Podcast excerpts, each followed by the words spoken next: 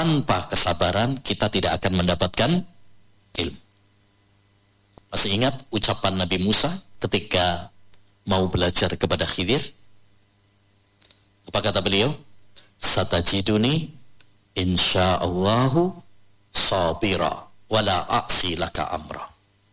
Wahai Khidir, engkau akan mendapati aku orang yang sabar ketika mau belajar. Maka ini antum harus tanamkan nih. Antum harus tanamkan sejak sekarang. Saya ikut program ini berarti harus sabar. Harus bertahan. Jangan oleng. Ya, kena angin belum kena tsunami, baru kena angin aja udah masuk angin. Ya. Nah, jangan, harus sabar. Harus sabar dalam dalam menuntut ilmu, sabar dalam uh, hadir dalam program ini butuh kesabaran, semangat, disiplin waktu, sabar dalam mendengarkan apa yang disampaikan oleh Ustaz, sabar dalam mencatat, sabar dalam menghafal, sabar dalam murojaah, mengulang, ya, mempersiapkan pelajaran. Semuanya butuh apa? Kesabaran. Sebagaimana Ustadz juga butuh sabar. Bukan hanya bukan hanya murid saja, Ustadz pun harus sabar. Sabar, mungkin ada muridnya yang belum paham-paham juga, harus sabar. Jangan di, langsung dimarahin aja. Ya. Nah, butuh kesabaran, butuh kasih sayang. Makanya ikhwan, salah satu hal yang penting untuk kita tanamkan dalam diri kita dalam belajar itu adalah apa? Kita harus saling ya mencintai, saling menyayangi di antara kita. Seorang murid sayang kepada gurunya, guru juga sayang kepada muridnya.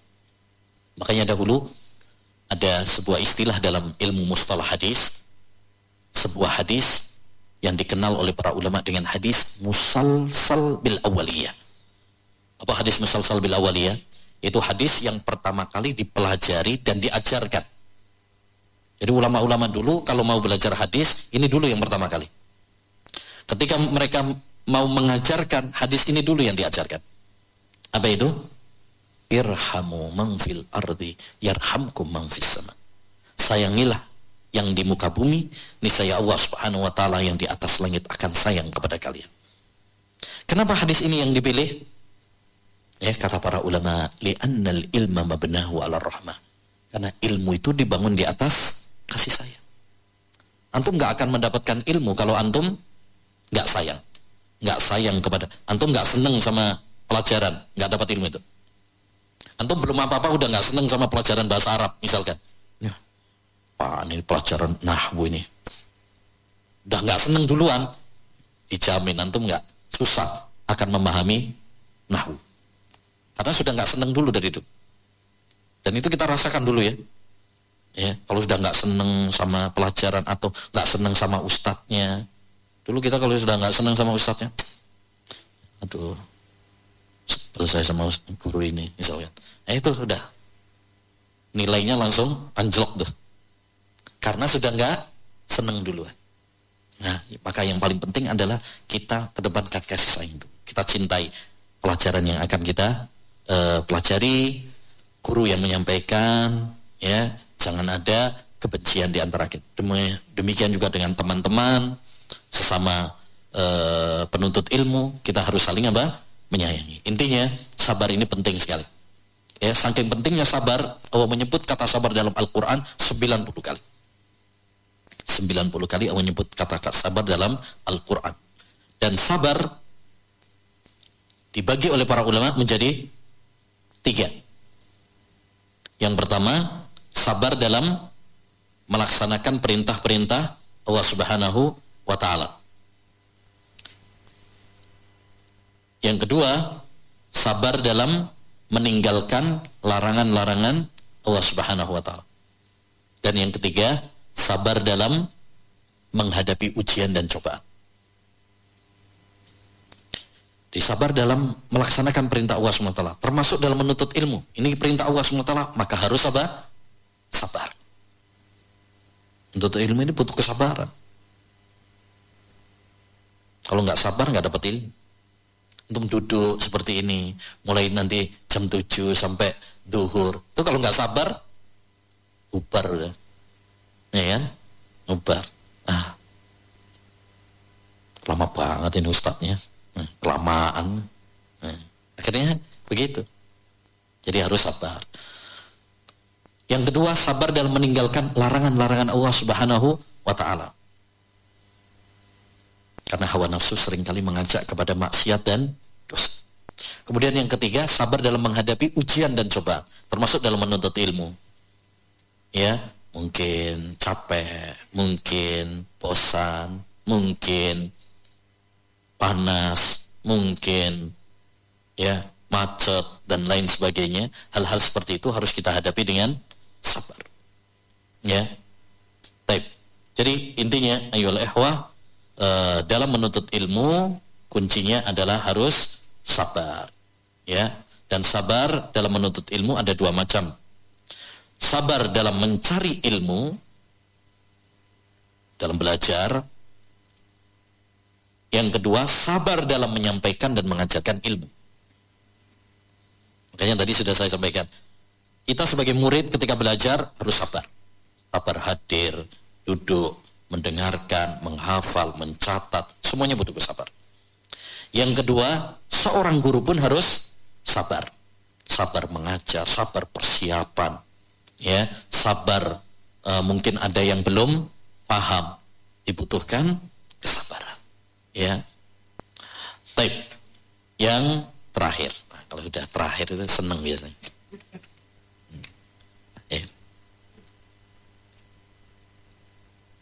Taib yang ke-10 menjaga adab-adab ilmu. Kalau kita ingin mendapatkan ilmu, maka perhatikan adab-adab kita. Kata Yusuf bin Hussein, bil adab tafhamul ilm. Dengan adab engkau akan mendapatkan ilmu. Karena adab ini ayual ehwah adalah uh, ya wasilah untuk mendapatkan ilmu. Makanya dulu para ulama sebelum mereka belajar ilmu, mereka belajar adab terlebih dahulu. Disebutkan oleh Imam Ibn Sirin, kanu yata'allamuna al-hadya qabla an yata'allamul ilm. Dahulu para ulama mereka belajar adab terlebih dahulu sebelum belajar ilmu. Bahkan disebutkan oleh Imam Zahabi dalam Syiar A'lamun Nubala bahwa yang hadir dalam majelis Imam Ahmad itu 5000 orang. Yang hadir dalam majelisnya Imam Ahmad 5000 orang. 4500 belajar adab, 500-nya belajar hadis. Berarti lebih banyak yang belajar adab. Ya. Oleh karenanya sangat penting bagi kita para penuntut ilmu untuk ya menghiasi diri kita dengan terutama para penuntut ilmu. Kenapa? Karena kita sudah belajar Quran, belajar hadis. Quran dan hadis itu banyak berisi tentang adab. Ya talibi ilmin Nabi Muhammadin Ma antum wasiwakum bisawa'i. Wahai para penuntut ilmu, kalian tidak sama seperti masyarakat biasa lainnya. Orang yang belajar ilmu, ahlaknya harus lebih baik daripada masyarakat biasa. Mestinya seperti itu. Kenapa? Karena dia sering mendengar ayat, mendengar hadis. Sedangkan masyarakat umum jarang mendengarkan. Maka kita adabnya harus lebih bagus. Makanya disebutkan oleh para ulama di antaranya Al-Khatibul Baghdadi. Beliau punya buku Al-Jami' li Ahlakir Rawi wa Adab Sami, dua jilid. Itu isinya adalah tentang adab-adab penuntut ilmu, dua jilid. Isinya adab-adab penuntut ilmu. Ya, di awalnya beliau mengatakan hendaknya orang-orang yang belajar hadis menghiasi dirinya dengan adab dan akhlak lebih daripada masyarakat yang lain. Kenapa? Karena dia sering membaca hadis-hadis Nabi, mendengar hadis-hadis Nabi, maka mereka lebih utama untuk mengamalkan adab dan akhlak. Makanya kita ketika belajar ilmu harus introspeksi diri. Ada nggak perubahan pada akhlak kita? Ada nggak setelah kita ngaji ini adab kita lebih bagus? Itu harus diintrospeksi. Kalau adab kita semakin bagus setelah belajar ilmu ini, setelah kita ngaji, setelah kita kenal sunnah, adab kita semakin bagus, masya Allah. Allah ini ada kita optimis, ini kabar gembira, ya bahwa itu tanda kebaikan, tanda ilmu kita barokah. Tapi kalau kita ngaji, ya akhlak kita semakin rusak, semakin kasar, hati kita semakin keras, maka ketahuilah bahwa itu tanda bahwa ilmu kita enggak barokah. Menarik, pernah dikatakan kepada Waki Ibnul Jarrah, Waki gurunya Imam Syafi'i.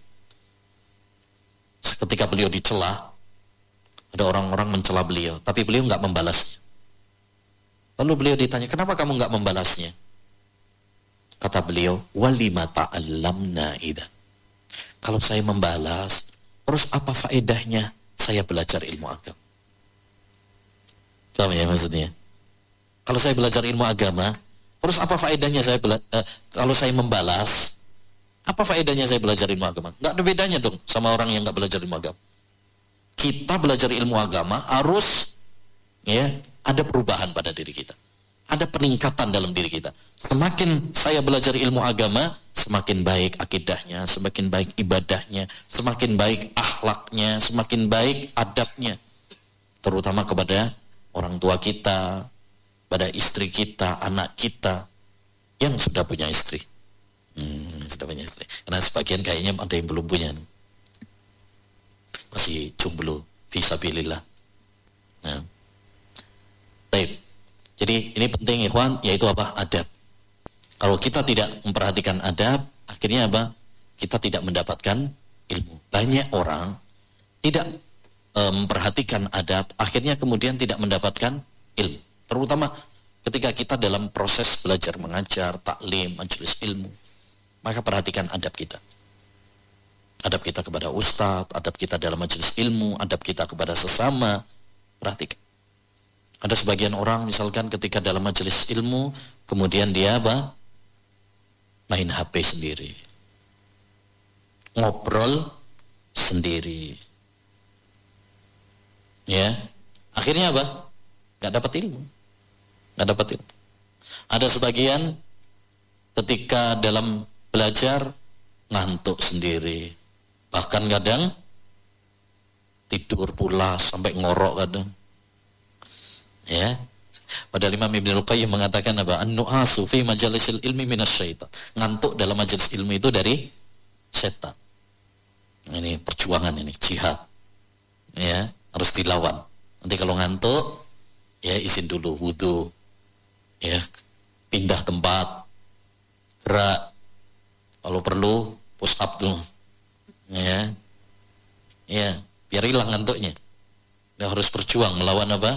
kemalasan ya berjuang melawan uh, ngantuk yang bukan pada tempatnya bukan pada waktunya ya sebagian ketika menuntut ilmu tadi ya tidak memperhatikan adab-adab dalam menuntut ilmu akhirnya nggak mendapatkan ilmu maka hendaknya bagi kita untuk memperhatikan adab-adab kita dalam menuntut ilmu. Kita perhatikan kita catat. Ini dicatat qayyidul ilma bil kitabah ikatlah ilmu itu dengan tulisan. Ya perhatikan ustadznya dengan baik. Hormati ustadznya. Man la yukrimil ilma la yukrimul il. Siapa yang tidak memuliakan ilmu maka ilmu tidak akan memuliakan.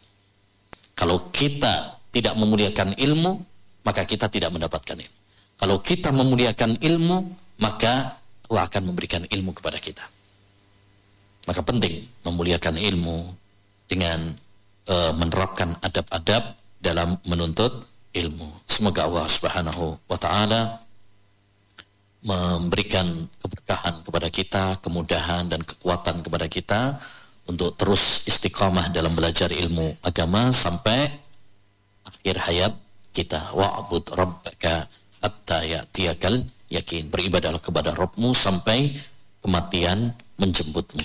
Ya semoga semuanya uh, diberi kemudahan untuk mendapatkan ilmu ya dan diberi kesabaran keistiqomahan ya jangan gugur di tengah jalan ya. pantang mundur pantang mundur itu yang harus kita pegang sejak sekarang. Ya seperti kalau kita ingin sukses tadi pantang mundur. Harus semangat banyak doa dan pantang mundur pantang menyerah. Demikian ayolah ikhwah rahimani wa rahimakumullah. 10 uh, kiat dalam menuntut ilmu. Insyaallah taala untuk yang 10 berikutnya nanti besok akan disampaikan oleh uh, ustadz yang lain. Pas setengah 12. Uh, ada tanya jawab taib. Kalau ada pertanyaan silahkan uh, mengajukan pertanyaan. Kalau nggak ada nanti saya yang nanya. Nah, Fadal.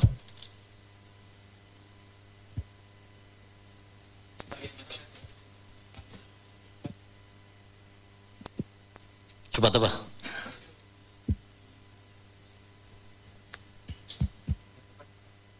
Oh ya, bagaimana cara menangkal subhat? Metodenya. Bagaimana metode menangkal subhat? Caranya apa? ilmu. Dengan ilmu kita bisa menangkal syubhat. Syubhat itu ya hanya akan hinggap di hati orang yang tidak memiliki ilmu. Kalau kita punya ilmu, kita ngerti, bisa membedakan ini benar atau salah. Sehingga kita bisa untuk menangkisnya. Tapi kalau kita nggak ngerti, nah kita manggut-manggut, kena udah. Ya, Makanya Syekhul Islam Taimiyah rahimahullah pernah menasihati muridnya yaitu Imam Ibnul Qayyim rahimahullah, "Ij'al la taj'al qalbaka kasafinja."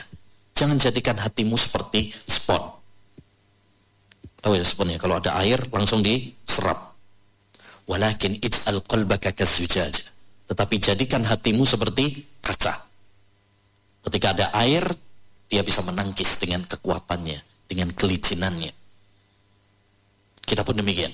Kalau kita punya ilmu, kita bisa nangkis, bisa tahu. Oh ini nggak benar nih. Nah. Oh ini benar. Ya, yang benar begini. Contoh, masalah akidah banyak sekali subhat ya. Dan bertubi-tubi, berganti-ganti subhat demi subhat. Masih ingat dulu banyak nabi-nabi palsu. Ganti lagi batu ajaib. Masih ingat nggak? Batu ajaib. Batu Ponari, Jombang, Jawa Timur, sakti. Sampai orang berjubel-jubel ke sana, bisa menyembuhkan katanya. Ganti lagi apa? Prediksi kiamat 2012. Ganti lagi yang bisa menggandakan duit. Siapa itu? Kanjeng siapa itu? Dimas apa siapa namanya bisa ngadain duit. Eh. Ganti lagi boneka arwah.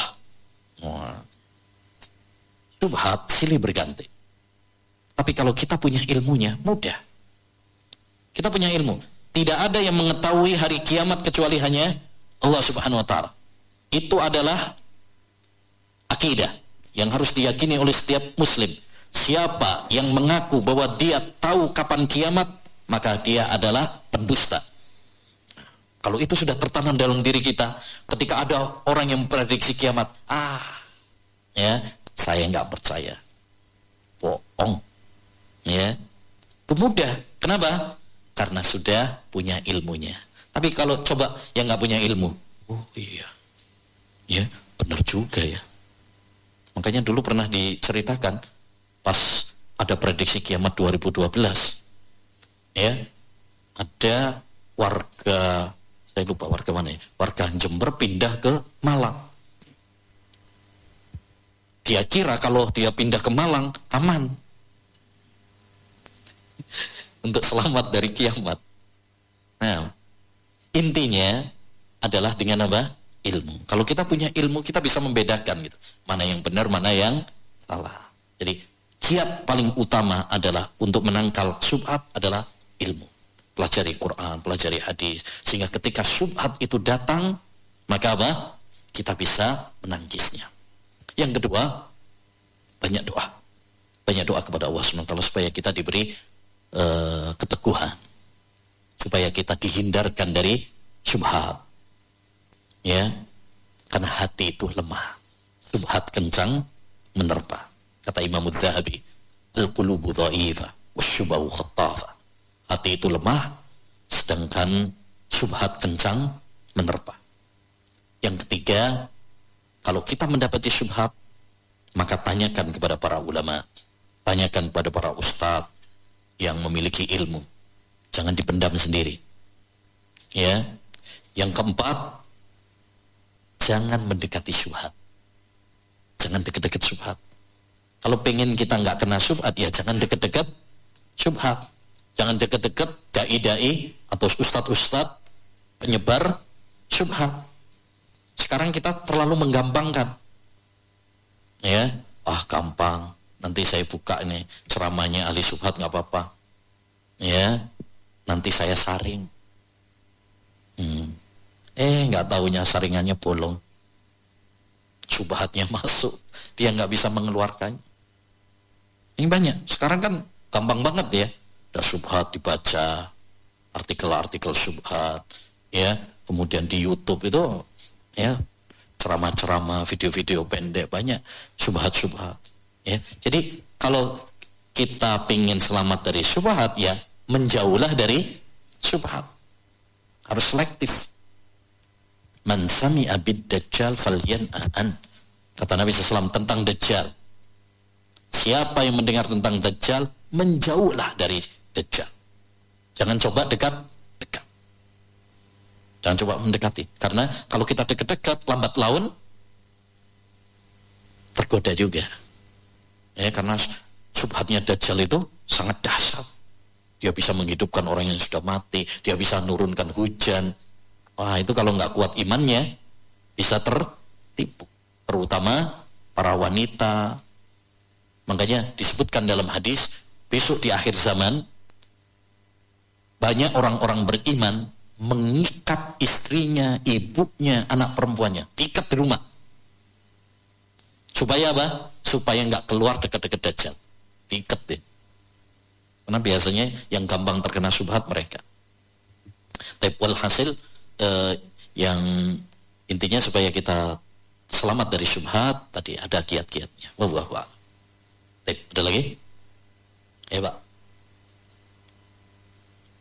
Waalaikumsalam warahmatullahi wabarakatuh. Kebetulan di daerah saya itu kan uh, Islamnya tradisional.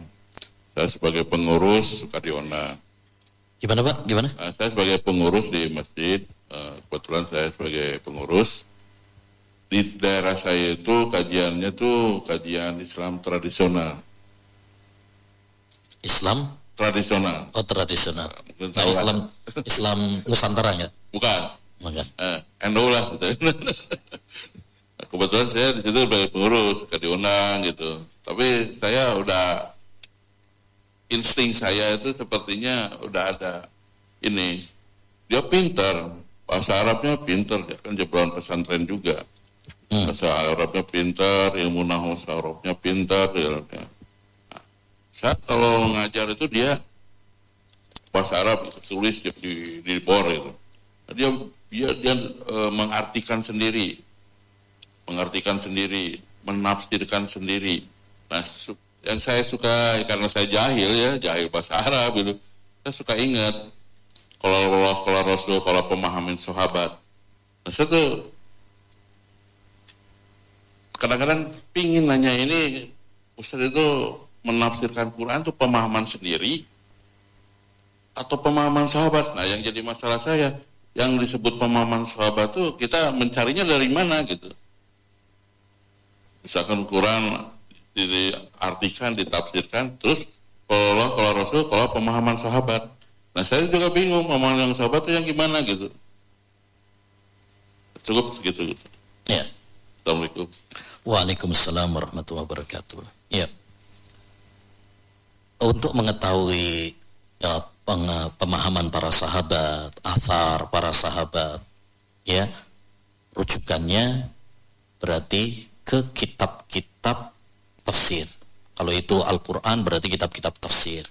Kalau itu hadis, maka itu kitab-kitab syarah hadis. Dan itu semuanya tadi butuh kepada bahasa Arab juga, Pak.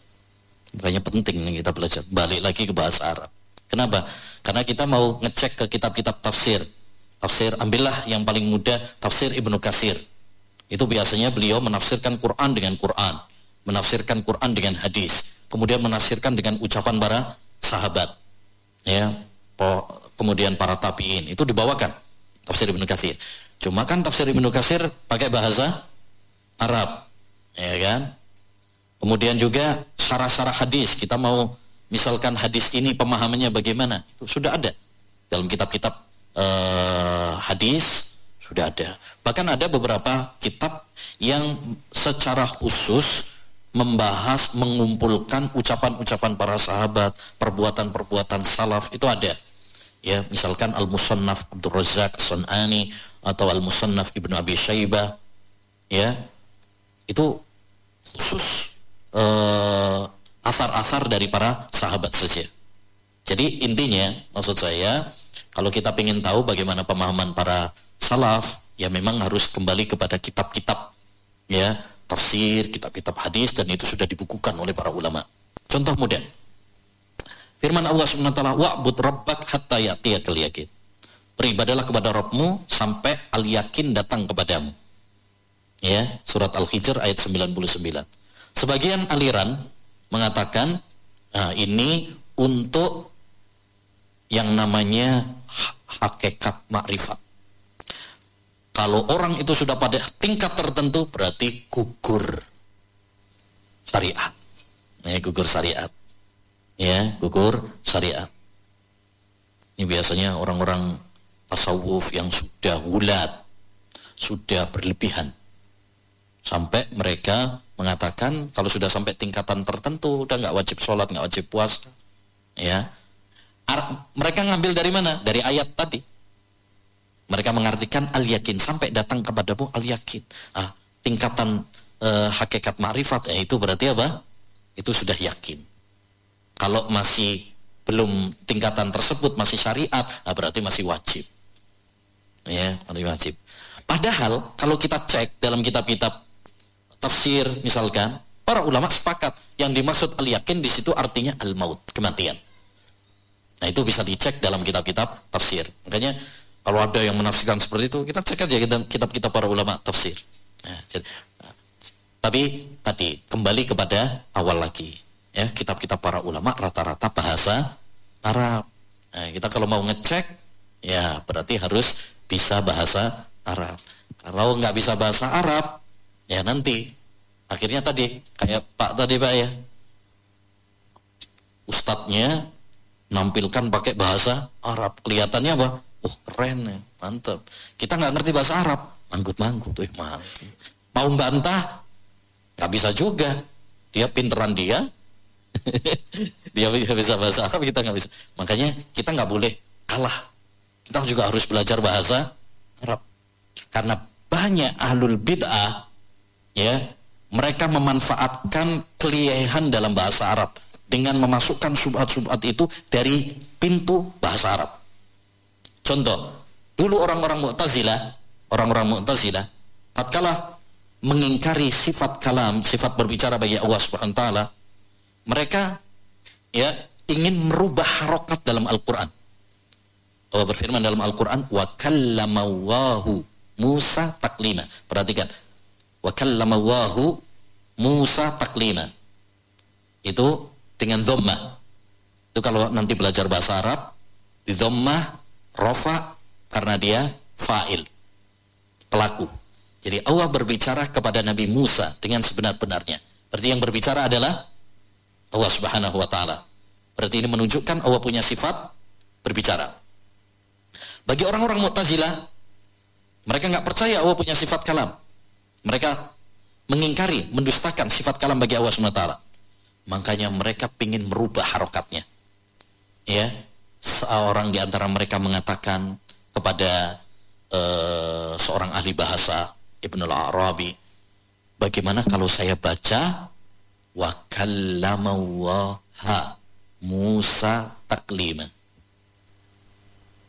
Yang tadinya dhamma dibaca fathah. Biar apa? Biar fa'ilnya nanti Musa. Lafat jalalah nanti sebagai nasab sebagai maf'ul bih, objek. Berarti nanti artinya jadinya begini. Musa berbicara kepada Allah. Yang berbicara siapa? Musa. Kalau doma yang berbicara adalah Allah Subhanahu. Kenapa mereka rubah? Karena mereka tidak percaya kalau Allah punya sifat kalam. Jadi bagi mereka itu Allah tidak berbicara, Allah bisu. Nauzubillah min dalik. Ya. Ini kalau kita nggak ngerti bahasa Arab, ah manggut-manggut aja. Ya, mau dibaca dhamma, mau dibaca fathah, terserahlah. Iya kan? Terserah aja. Yang penting niatnya baik.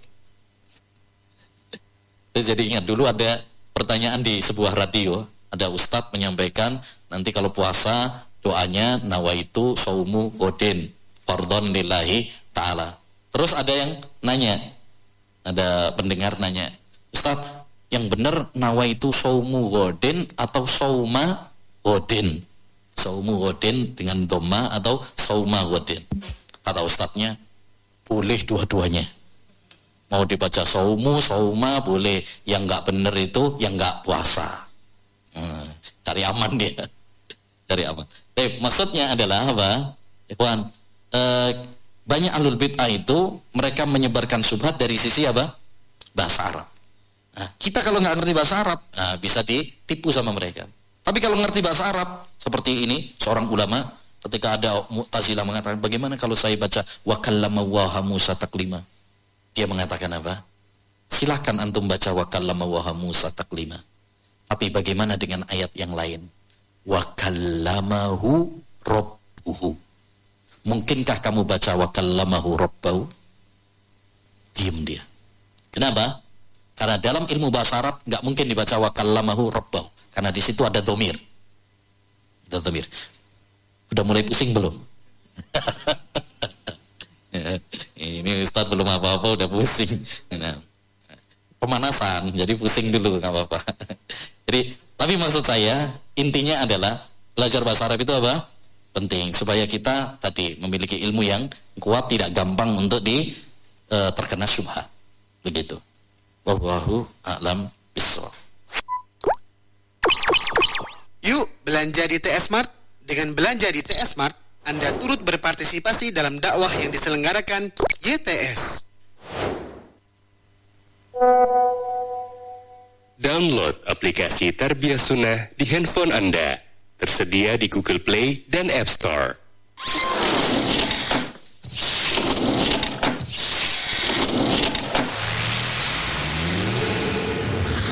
Tarbiyah Sunnah Channel. Lillah, nyunnah, merenah.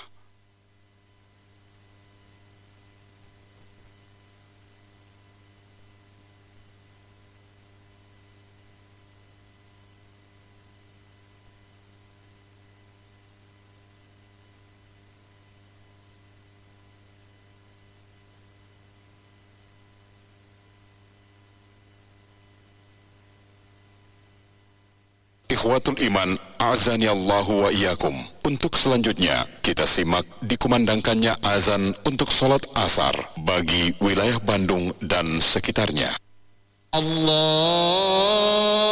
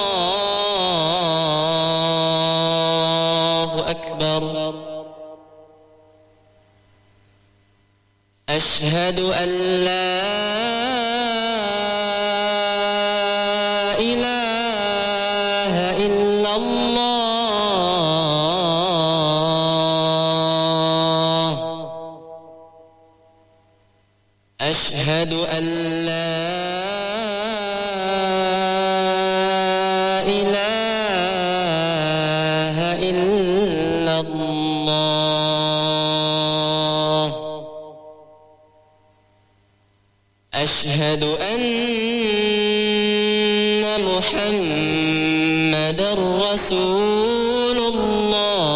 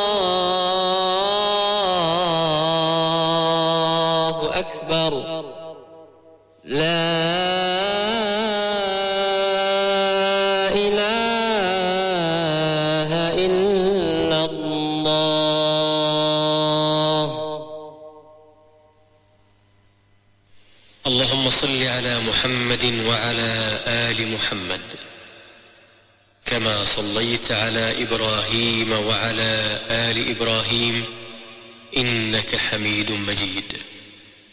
اللهم بارك على محمد وعلى آل محمد كما باركت على إبراهيم وعلى آل إبراهيم إنك حميد مجيد. اللهم رب هذه الدعوة التامة والصلاة القائمة آت محمدا الوسيلة والفضيلة وابعثه مقاما محمودا الذي وعدته Kalau sop pertama sudah penuh, imam sudah takbir, makmum semua sudah takbir, datang seorang lagi. Dia tidak bisa masuk ke sop pertama karena sudah penuh. Apa yang harus dia lakukan? Dia berdiri di sop kedua sendirian. Tepat di belakang imam posisinya. Jangan di pinggir. Tapi di belakang imam, di tengah-tengah. Boleh nggak dia menarik orang ke belakang? Nggak boleh. Untuk apa menarik? Kalau dia beralasan tidak sah sholat atau tidak ada sholat bagi orang yang bersendirian di belakang sof. Ada hadis itu? Ada. Tapi itu maksudnya bagi orang yang tidak masuk ke soft depan padahal masih kosong, masih ada, lalu dia bikin soft baru sendirian di belakang. Maka tidak boleh, ini tidak sah. Dia bisa masuk ke soft tapi ah di belakang we. Malah terhalang oleh beberapa soft kosong. Ingin sendirian we ngarah salse, ngarah harine, ngarah supaya tidak berdesak-desakan gitu ya sendirian. Enak, nyaman. Padahal soft di depan masih kosong, tidak sah. Tidak boleh. Adapun kalau soft sudah full, sudah penuh, tidak bisa, ya sudah sendirian di belakang karena ada uzur. Uzurnya apa? Tidak bisa masuk ke soft depan karena sudah penuh. Dan sholatnya tetap sah. Adapun menarik orang itu menimbulkan madarat yang besar. Setidaknya ada tiga madarat. Madarat pertama tentu saja mengganggu orang. Orang yang dibedoa, yang ditarik, terganggu nggak konsentrasinya? Ter terganggu. Terus yang kiri kanan terganggu, terganggu itu ada orang mau mundur gitu kan? Kedua, merusak soft. Soft yang sudah rafat kita tarik, jadi apa? Jadi renggang. Mungkin nanti si soft itu dirapatkan lagi bergeser, semua bergeser mengganggu semua satu soft itu jadi terganggu. Ini madarat kedua. Dan madarat ketiga adalah memindahkan orang lain dari tempat yang utama ke tempat yang kurang utama. Soft di depan kan utama ya. Dia mungkin berebut untuk menempati soft di depan di belakang imam dan itu adalah posisi yang yang utama pahalanya lebih besar, keutamaannya lebih besar. Sudah capek-capek berebut dan dapat dibedol, ditarik ke belakang. Sehingga menempati soft di belakang. Nah ini madarat yang ketiga. Oleh karena itu tidak boleh menarik orang dari depan ke belakang. Kalau soft sudah penuh sudah, berdirilah dia sendirian. Dan sholatnya tetap sah sehingga hadis yang menyatakan tidak ada sholat bagi orang yang berdiri sendirian di belakang sof, maksudnya adalah ketika sof di depan masih ada yang kosong, tapi sengaja dia membuat sof baru sendirian di belakang, maka itu tidak sah. Ya, demikian. Wallahu a'lam.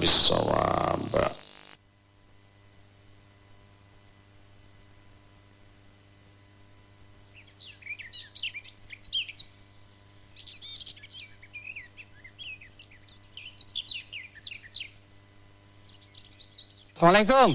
Salam. Ngapain bang? Eh, Terus lu, amat. Masya Allah. Biasa sibuk share-share Ustaz. Aduh, ngapain? Bagi berita ini sekalian Kayaknya hidup habis buat kayak gituan aja nih. Banyak teman Ustaz. Uh, Udah ada 5000 nih lebih. Masya Allah. Oh, enak Ustaz. Ana bisa lihat gambar di sono sini. Gitu ya. Iya. Habis tuh waktu buat kayak gituan. Agak Ustaz kan sebentar ini, paling dua jam. Dua jam. Ya Allah. Kalau baca Quran berapa pahalanya tuh? Banyak Ustaz ya. Ih. Iya.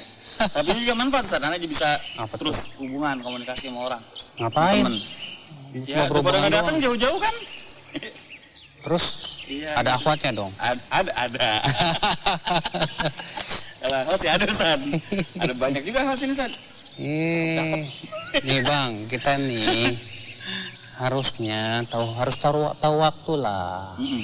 Ada waktunya buat baca, ada waktunya buat share ilmu, ada waktunya buat anak istri, ada waktunya buat belajar kan gitu. Tapi di sini kadang-kadang ada juga ilmu Ustaz dikit-dikit.